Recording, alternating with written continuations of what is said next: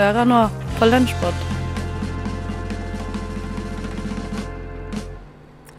Du hører på Lunsjpod, din favorittpodkast fra Radio Nova. Og hvorfor er det din fa favorittpodkast fra Radio Nova?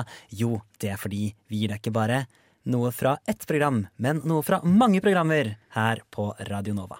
I studio så finner du fagsjef Stine Spjelkavik, og du finner meg, eh, ansvarlig redaktør Ådne Feiring.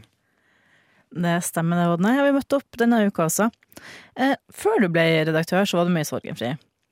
Og før du var med i Sorgenfri, så var du med i Frokost. Det stemmer veldig fint, det, Stine. Eh, og jeg har hørt rykter om at det vi skal høre nå, den spalta som vi skal til i Frokost, har du vært med på å starte. Stemmer det? Ja, jeg vil jo i hvert fall påstå det. Eh, jeg, jeg mener jo at det er min spalte. Men jeg vet ikke om frokost er like enig. Nei, det spiller for så vidt ingen rolle. Eh, vi skal over til frokost og dyrelyd mesternes mester.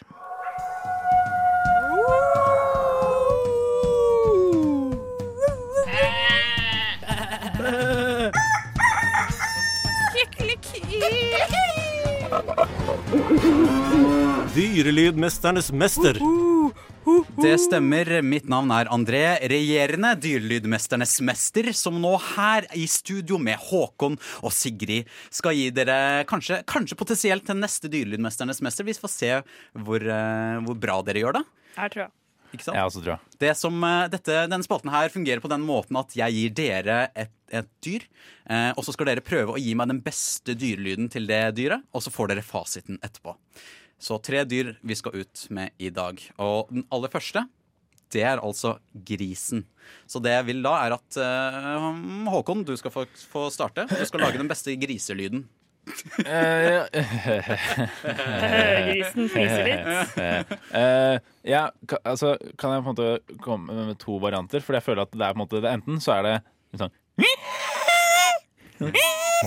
Sånn skikkelig sånn Jeg klarer, jeg kommer ikke lyst inn i det. Nei, jeg kommer ikke lyst enn det. Enten så er det det, eller så er det sånn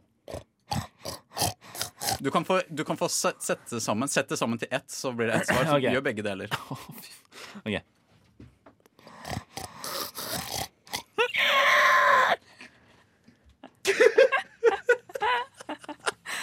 Oi, det var kjempebra. Veldig bra. Det er Pressure's shit. on. øra Faen. stemmen. Det Nei, ble det ikke går noe fint. dyrlyd to eh, og tre. Eh, Sigrid, din tur. OK. Det er min første dyrelyd. Nå skapte jeg bare enda mer press for meg sjøl. Ja. Jeg angrer.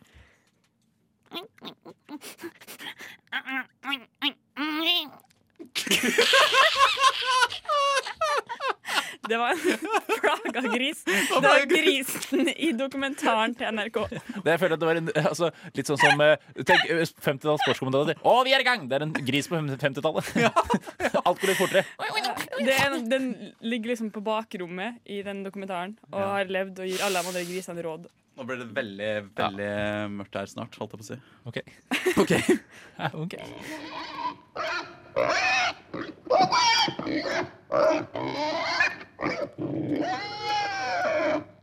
Sånn høres en gris ut, for den som, skulle, som ikke vet det. Men jeg syns faktisk denne var Håkon, du var nærmest på den der, altså. Du hadde den der Veldig bra. Det er den sjukeste overgangen fra vanlig tale til en dyne. Ja, det mer bare klikket så Så kromosonene bare datt i alle retninger. De kaller han ikke dyrelydsmesteren for ingenting. Nei. Ikke sant? Nettopp. Det er det jeg sier. Og neste dyr er altså struts. Og strutsen, det kan jeg si med en gang, den høres ikke ut som det man tror. Det gjør den ikke. Jeg ante ikke at den hørtes sånn her ut uh, første gang. Eh, så da, nå, er liksom, nå får dere bare tolke det som dere vil. Og da, denne gangen så skal Sigrid, du skal få starte. Jeg er fortsatt litt sånn prega av at jeg gjorde det ganske dårlig i sted. Eh, Mm. Men vi kan prøve. OK. jeg starter snart.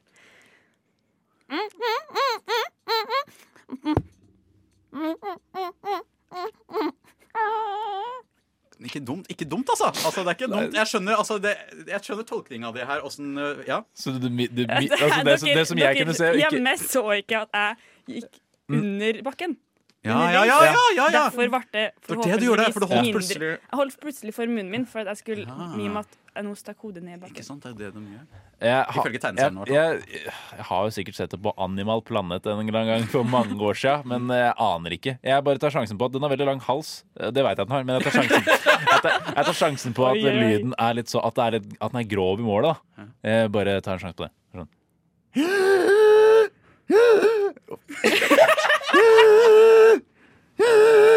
Jeg liker at du, alt du gjør, skal du gjøre på innpust. Alt du gjør, skal du gjøre på innpust. Men det er fordi at dyr prater ikke så mye. Så jeg satser på at de bruker bare luft til å gjøre ting. Ok, du, du var Og du var Mm. Eh, OK. ok Sånn her høres en struts ut. Ja. Jeg syns jeg var ganske nært. jeg. Altså, det, det, du vinner hvis, eh, hvis de som eventuelt hører på sendinga, eventuelt skulle finne på å høre på i podkastformat, så kan du prøve å skru ha- hastigheten ned til halv hastighet, og da tror jeg du er ganske spot on med den lyden din. eh. Da skal du eh, ja, Det var liksom det Ja, du, jeg, kan, vi sier at du vant den der, altså. Det var ikke så mye kreds, men jeg vant. det var så liksom- det går fint. Jeg skal, jeg skal teste det. Jeg skal høre på podkasten, så skal jeg skru til halv hastighet, og så skal jeg høre hvor likt det var. For det tror jeg faktisk er ganske likt. Nå er det en siste lyd. Det er en eh, såkalt løve. En såkalt løve. Av type stor kattedyr. Såkalt. ja, det er det. Og så da, Håkon, det er din tur. Nå kan du stå. stå. Gjør det på innpust. Ja, jeg må nesten det. Ansiktsuttrykkene som, som bygger opp her. Faen, altså. Vent, da. Nei, det var det beste jeg fikk til, var det. altså. Kjempe, kjempe. Mye senere i halsen, og det er mye som jobbes her. Jeg må, jeg må liksom ta tre skritt tilbake fra mikrofonen for at uh, det at jeg ler, ikke skal bli plukka opp. Jeg blir sikkert det uansett. Og så, Sigrid, uh, da er det din tur. Kan jeg liksom legge på Jeg legger på en liten lydeffekt først. Da. Gjør det. Å, nå er jeg jævlig spent. Nå skal jeg sjekke om det er innenfor reglementet. Vi får se. Dun, dun, dun. Oi! Oi! Mhm, mhm. OK, den, den var fin. Sånn her høres en løve ut.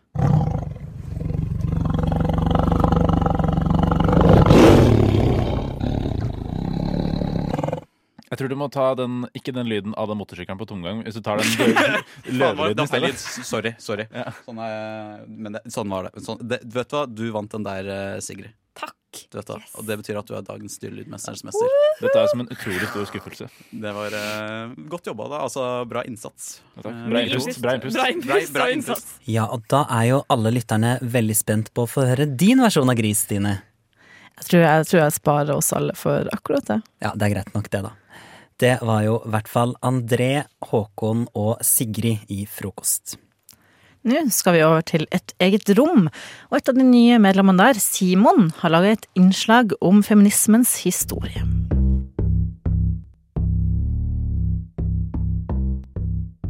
Et typisk bilde på feminismens historiske ferd er metaforen om bølgen. Folk som kjenner kvinnebevegelsens historie, identifiserer i hvert fall tre sånne bølger. Den første kom på slutten av 1800-tallet. Her var det kvinners stemmerett som var hot topic, og de norske kvinnesakskvinnenes krav om allmenn stemmerett vant fram i 1913. Men denne seieren var etterfulgt av en lang periode med det historiker Kari Melby kaller husmorifisering. Kvinner ble værende hjemme. I ettertidas lys er det nesten overraskende hvor få kvinner som omfavna de rettighetene man hadde skaffa seg med hensyn til jobb og utdanning. Men dette skulle endre seg. Den andre bølgen kom i en tid med sex, drugs and rock and roll. Den klamme 50-tallskulturen ga næring til en ny og radikal generasjon kvinner. Feminismens andre bølge handla om kvinners rett til å ta egne valg, til å bestemme over egen kropp og seksualitet. Man hevda altså retten til å sjøl avgjøre hva som skulle komme inn, og hva som skulle komme ut av kroppen. Problematikk knytta til diskriminering og vold mot kvinner ble også adressert. Rødstrømpefeministene, som disse ble kalt, har siden vært kritisert for å representere en form for white feminism. Særlig i USA fikk de tyn for å ikke integrere svarte og lesbiske perspektiver i sitt program.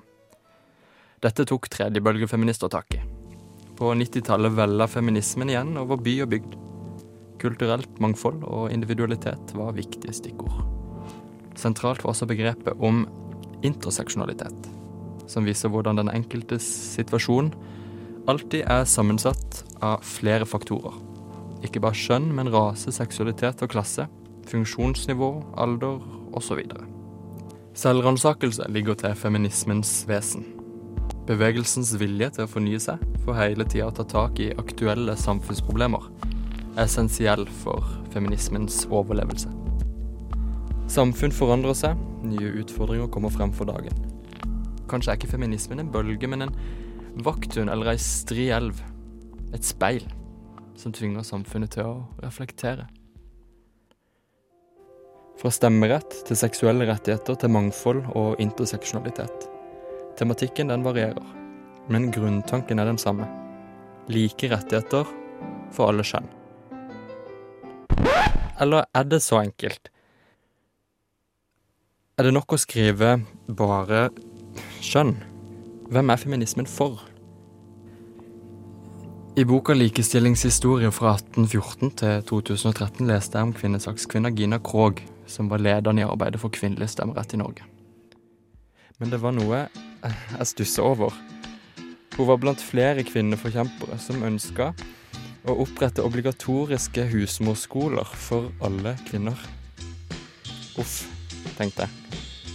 Men så var jo målet å gjør kvinner mer kompetente og trygge i de tingene som opptok de. Og så spurte jeg samboeren min Silje du, hva er egentlig målet med feminisme. Er det likestilling mellom menn og kvinner? Eller er målet å gjøre det lettere å være kvinne, med utgangspunkt i kvinners aktuelle situasjon? Min oppgave det var å gi en historisk fremstilling av feminismens tre bølger, men jeg føler at jeg har floka det til. Hva er feminisme, og hvem er han for? Sånne spørsmål om representasjon er sentrale for dagens feminisme. Enkelte vil si at vi da står midt i en fjerde bølge. Og her er selve ideen om kjønn under kritikk. Og så kan man spørre seg Hva er feminismen uten kvinnen?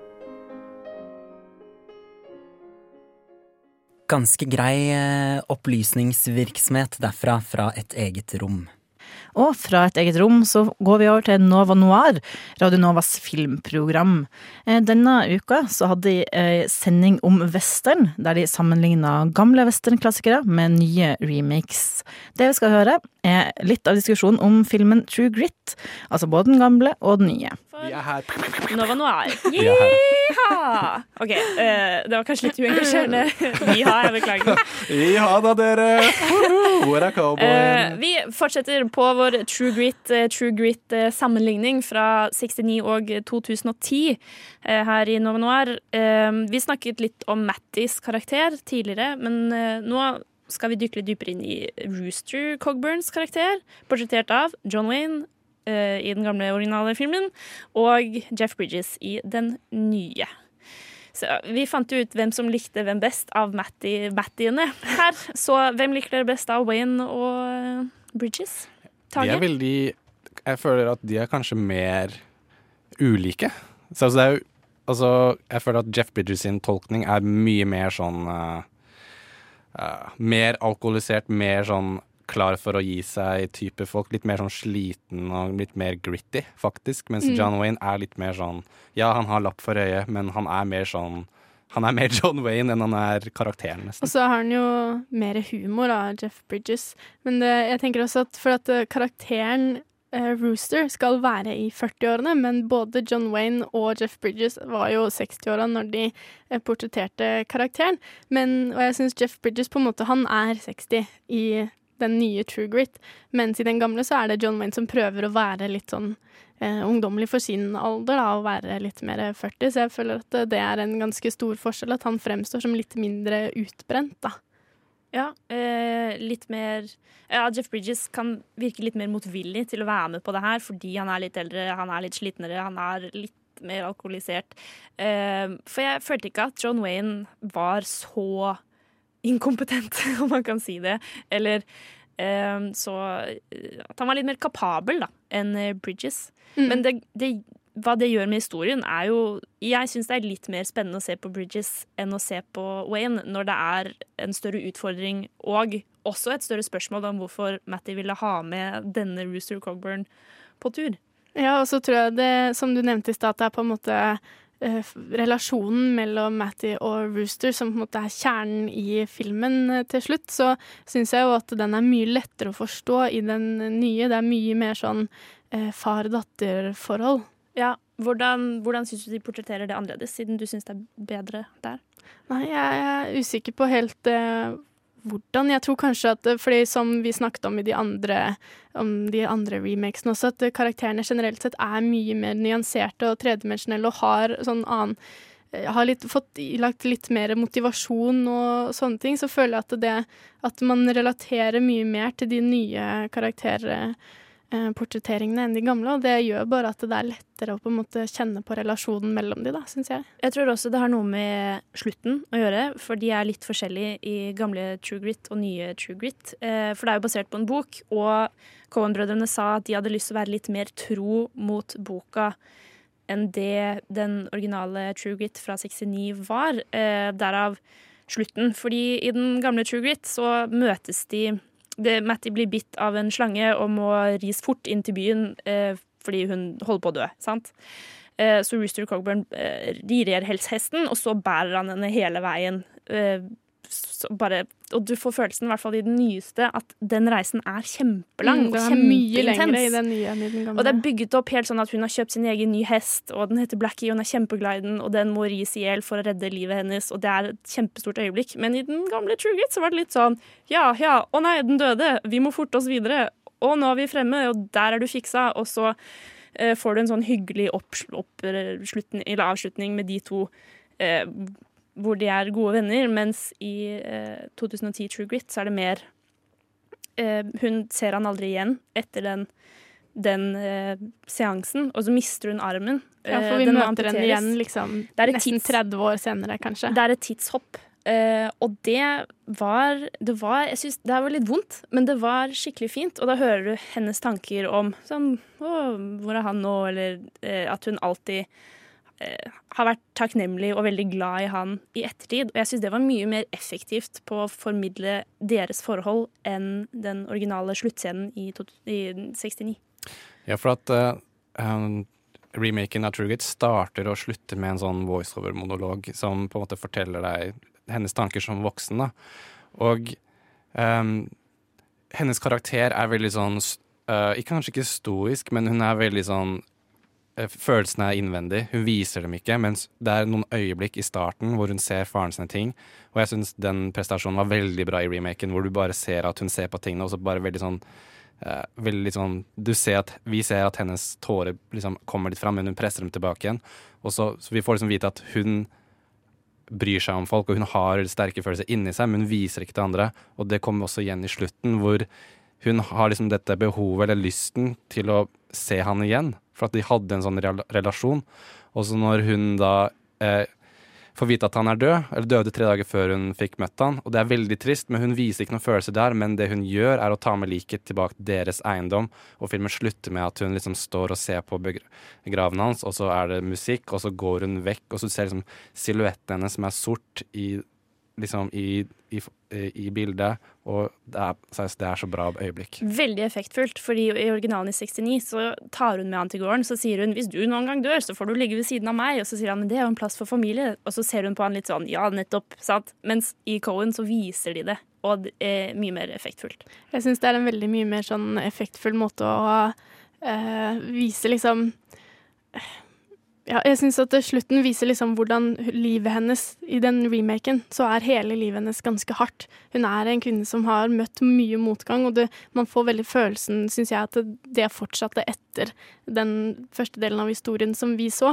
Sånn at uh, du får mye mer den følelsen at uh, hun har hatt et tøft liv, uh, og kanskje fortsatt er ganske tøft, og hun liksom ender opp eh, alene, for hun har aldri hatt tid og sånne ting, og det virker liksom ja, det virker som hun har møtt mye motgang, men siden gamle så er det litt mer sånn at vi ser den delen av livet, og så går det ganske greit etter. Hun er veldig tydelig på at det kanskje ikke er familie som er helt hennes greie, men det virker mye mer som et valg, og det virker som en veldig positiv fremtid. Så igjen så tror jeg det reflekterer litt på det da, at vi som et moderne publikum kan liksom spise over mye mer da, enn eh, både sånn innvendige følelser og psykologisk og ja, innhold enn det de gjorde på den tiden. Jeg vil jo si både i tilfellet til 310 to Yuma og True Grit, så ender det jo mer tragisk enn det de gjør i de originale filmene. Så jeg tror definitivt det er noe i det du sier. Det var altså Julie Tage og Hedvig fra Nova Noir som snakka og sammenligna True Grit med True Grit. Jeg syns sendinga var veldig eh, interessant å høre på, selv om jeg ikke har sett så mye western. Og ikke den filmen her heller, men jeg syns det, det funka veldig godt eh, likevel. Det er et eller annet du gjør som inkluderer deg, eh, uansett om du har sett det eller ikke. Det stemmer det. NRK-tomta er jo lagt ut for salg, og det har radiotjenesten fått med seg. Og de har tatt turen opp til Marienlyst for å, ja, rapportere. fra hva som NRK-tomta ble i går lagt ut til salg, og vi har sendt våre reportere på søken etter hva den nå skal brukes til. Utegående reporter Johannesborg har tatt turen til Marienlyst. Hva har du å meddele om den saken? Jo, jeg står her nå utenfor radioinngangen ved NRK-bygget, men det er ikke så mye info å hente her ute på Marienlyst, så vi må nok høre med innegående reporter PC for litt mer innsideinformasjon. Yes, jeg er da innegående reporter og beveger meg nå imot Radioresepsjonen.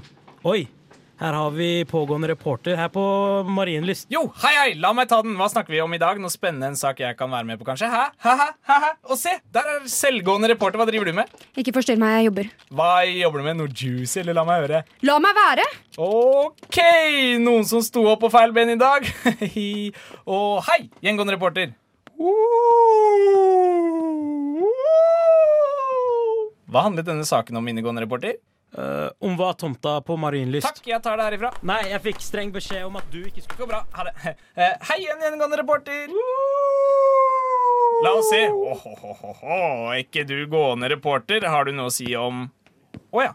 Det var visst forbigående reporter. Har du noe å si om hva som skal skje med tomta på Marienlyst? Nei, ikke noe å rapportere om her i Frognerparken. Langtgående reporter ut. Takk, langtgående reporter. Takk, langtgående reporter! Bare hyggelig. Mhm. Se der. Avgående reporter, har du noe å si om hva tomta på Marienlyst skal brukes til, eller hvem som eventuelt er kjøpere? Nei, jeg ønsker ikke å kommentere saken, og tar heller ikke på meg noen skyld for det som har hendt. Hva har skjedd? Som sagt, jeg ønsker ikke å kommentere saken ytterligere. Ja, men jeg lurer bare på om Oi, turgående reporter, hva gjør du inne i RK-bygget? Nei, jeg bare Hæ? Hæ? Nei, jeg, jeg bare går tur. Hva har du å si til ditt forsvar? Nei, jeg er ikke på jobb, jeg er snarere på vei ut. Å ja, den er grei, du. Ha en fin tur, håper du. Men du, bortgående reporter. Noen siste ord før dette kommer ut?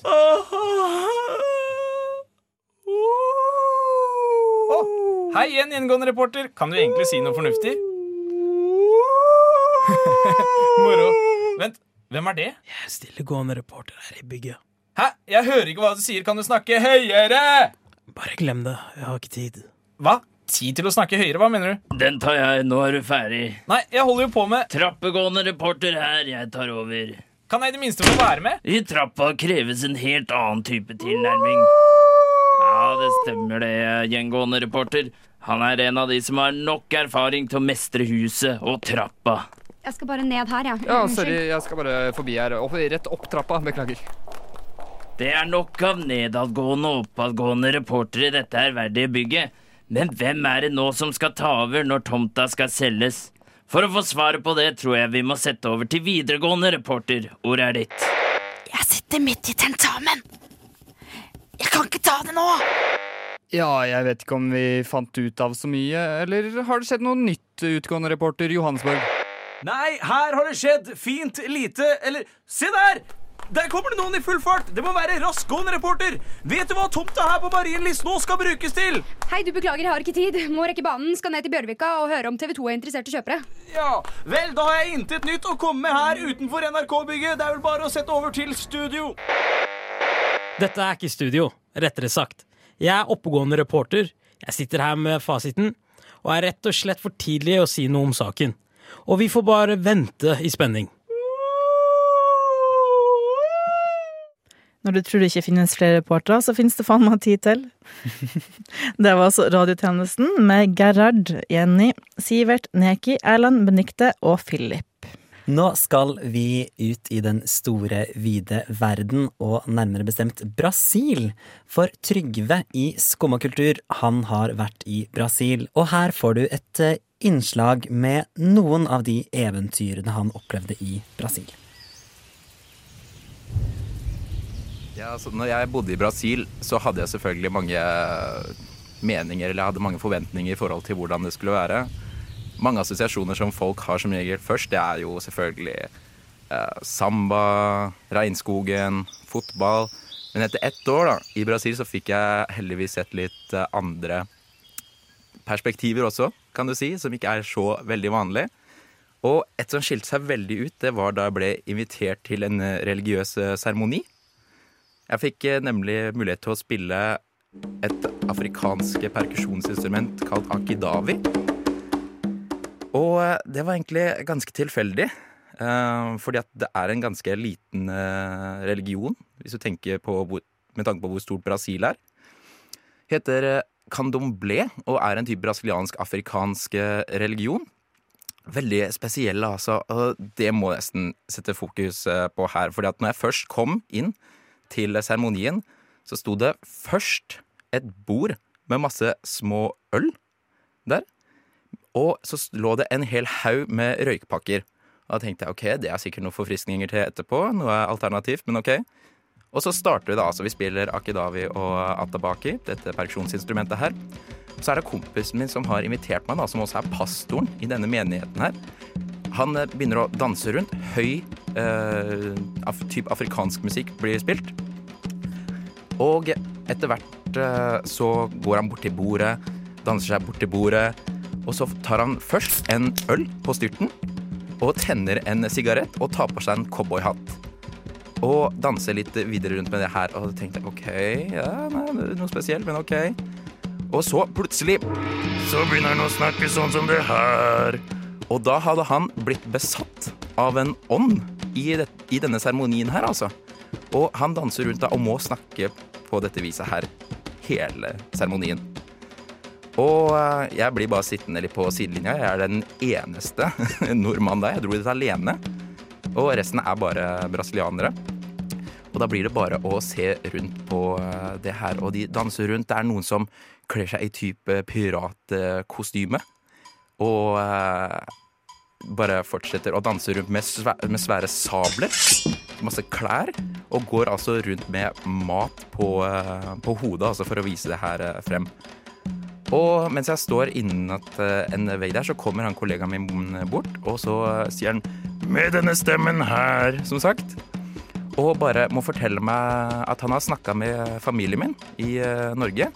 Og at de tenkte virkelig mye på meg da, og gjorde de så stolt. Da står bare helt lamslått der. Jeg bare sånn, vet ikke hva jeg skal si, så det er bare sånn Ja, takk, takk for det.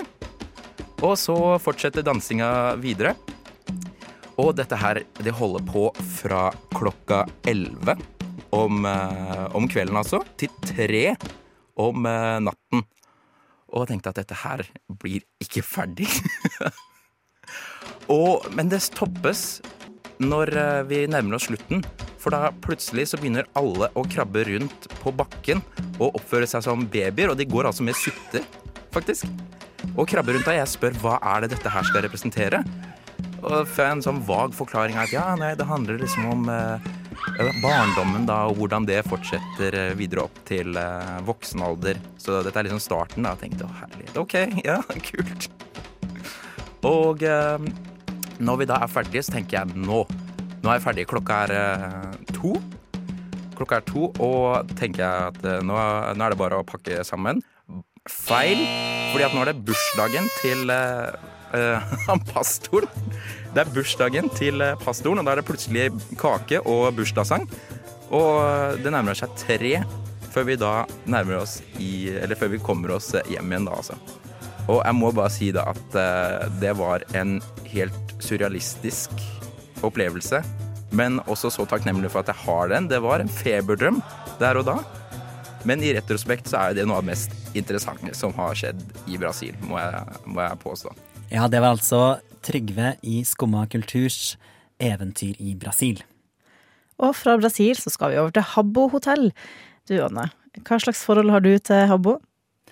Eh, vet du hva, jeg, jeg fikk aldri med meg Habbo-hotellet. Jeg satt fast på popit.no. Det var der jeg brukte tida mi. Å, gode gamle popit. Og 123spill.no. Det, åh, det er mange minner. Men uansett, vi stikker over til Sorgenfri og hører hva de har å si om media? Habbo hotell. Det er jo det. Fordi uh, Det er jo et, var jo et sosialt eh, medium. Ja. Ja, altså, for jeg, jeg føler Det her er kanskje hardcore aldersmarkør for oss i Sorgenfri. Men uh, jeg var i hvert fall i min mest sårbare fase da jeg spilte eh, Habbo hotell. Uh, hva med dere? Ja, eller uh, Man var jo eh, ung, og internett var jo litt nytt. Ja, Man var kanskje ung og dum. Ja, altså, jeg vil bare si Jeg skal komme med en aldersmarkør som sier at jeg er eldre enn dere, fordi jeg var på Momseby. Oi. Som var Bamsemums sin egen samme greie, liksom. Um, men det tror jeg var før deres tid, men det var litt samme system, da. Men utga du deg noensinne for å være noen du ikke var på Ja. Momseby? Hele tiden i Momseby. Jeg var aldri meg sjøl i Momseby. Ok, Hvem var du? Eh, ja, hvem var jeg? Jeg føler det var noe jeg ofte gjorde med venninner sammen. Og så lata vi, var liksom flere, tre stykker som lata som vi var én Oi. 17 år gammel sexy dame, mens vi var eh, 11 år gamle kissefjes. Var det sånn at man kunne på en måte ligge på en sofa der, og så kunne mange ligge på sofaen, og så kunne man late som at man pula? What? For det, for det gjorde man i Habbo. Klassisk Habbo. classic Habbo. Hæ? Hva er det dere sier for noe? Hadde, hadde, noen av, hadde du kjæreste på Habbo, Synna? Ja, jeg hadde det. En gang så utga jeg meg for å være en gutt da, Oi. på Habbo. Og da Ja. Og så fikk du deg kjæreste? Fikk jeg kjæreste. Og så lå dere på dette? Ja, men jeg visste ikke at det var noe man gjorde på Habbo hotell før jeg fikk den kjæresten. På Habbo. var han sånn 'Å, vil du ligge med meg', liksom? Hun, Bare på hun Habbo? var jo- jeg var jo han. Hun, ja. ja, ikke sant? Ja. Eh, ja. Hvordan føltes det? Det føltes eh, litt rart. Ja. Herregud, jeg er helt sjokkert. Sorry. Kjeven Ja. min er liksom Eh, min uh, min Habbo-løgn er desto mer pinlig. Eh, jeg var kanskje 11-12 år gammel, eh, og jeg hadde sett det at det var noen som skrev sånn 'emo and proud'. Eh, og jeg likte, jeg likte å høre på metallmusikk og sånn. Jeg visste at det var noe som, noe som hadde en relasjon til emo-kultur. Så jeg tenkte jeg er også emo. Og jeg visste ikke helt hva det å være emo var, men jeg eh, lagde liksom sånn svart hår på karakteren min med sånn lugg over øyesveis, og så skrev jeg jo også 'emo and proud' på karakteren min. Så gikk jeg rundt og var sånn, eh, ble med på rom der det sto sånn 'bare emoer' og sånn. Og så var det en gang en fyr som eh, spurte meg sånn er du, 'Er du emo på ekte?' Og jeg var sånn 'Ja, jeg er emo på ekte. Selvfølgelig er jeg emo på ekte'. Eh, så var det sånn 'Ja, men hvordan er du, hvordan er du emo på ekte, da?' Jeg, så jeg, jeg, bare gjør emo-ting. Eh, fryktelig, fryktelig pinlig. Eh, det var eh, ja, Nei, jeg merker at jeg får litt vondt av å gjenoppleve det en gang til. Og da Ja, det var eh, Sorgenfri det som mimra tilbake. Vet du hva? Jeg savner de tidene. Ja, vi nikka gjenkjennende, holdt jeg Ja. på å si. Hun nikka og kjenner oss igjen. Det- Chatting på Pop-It. Det var mye sexy som foregikk eh, der også. Det var det. Ja, det var også en pøl av løgner og bedrag, som Sorgenfri kaller Habbo hotell. Det var altså Sorgenfri med Njord, Kaja og Synne du hørte der. Men det var rett og slett det vi hadde å by på fra Radio Nova uke 39. Men ikke vær trist og lei, for det kommer en ny uke. Og da fantes flere før, så har du gått glipp av ei uke, f.eks. 37 eller 36, så finner du de i podkastappen din, de også. Og fra studio hørte du Stine Spjelkavik Hansen og Ådne Feiring.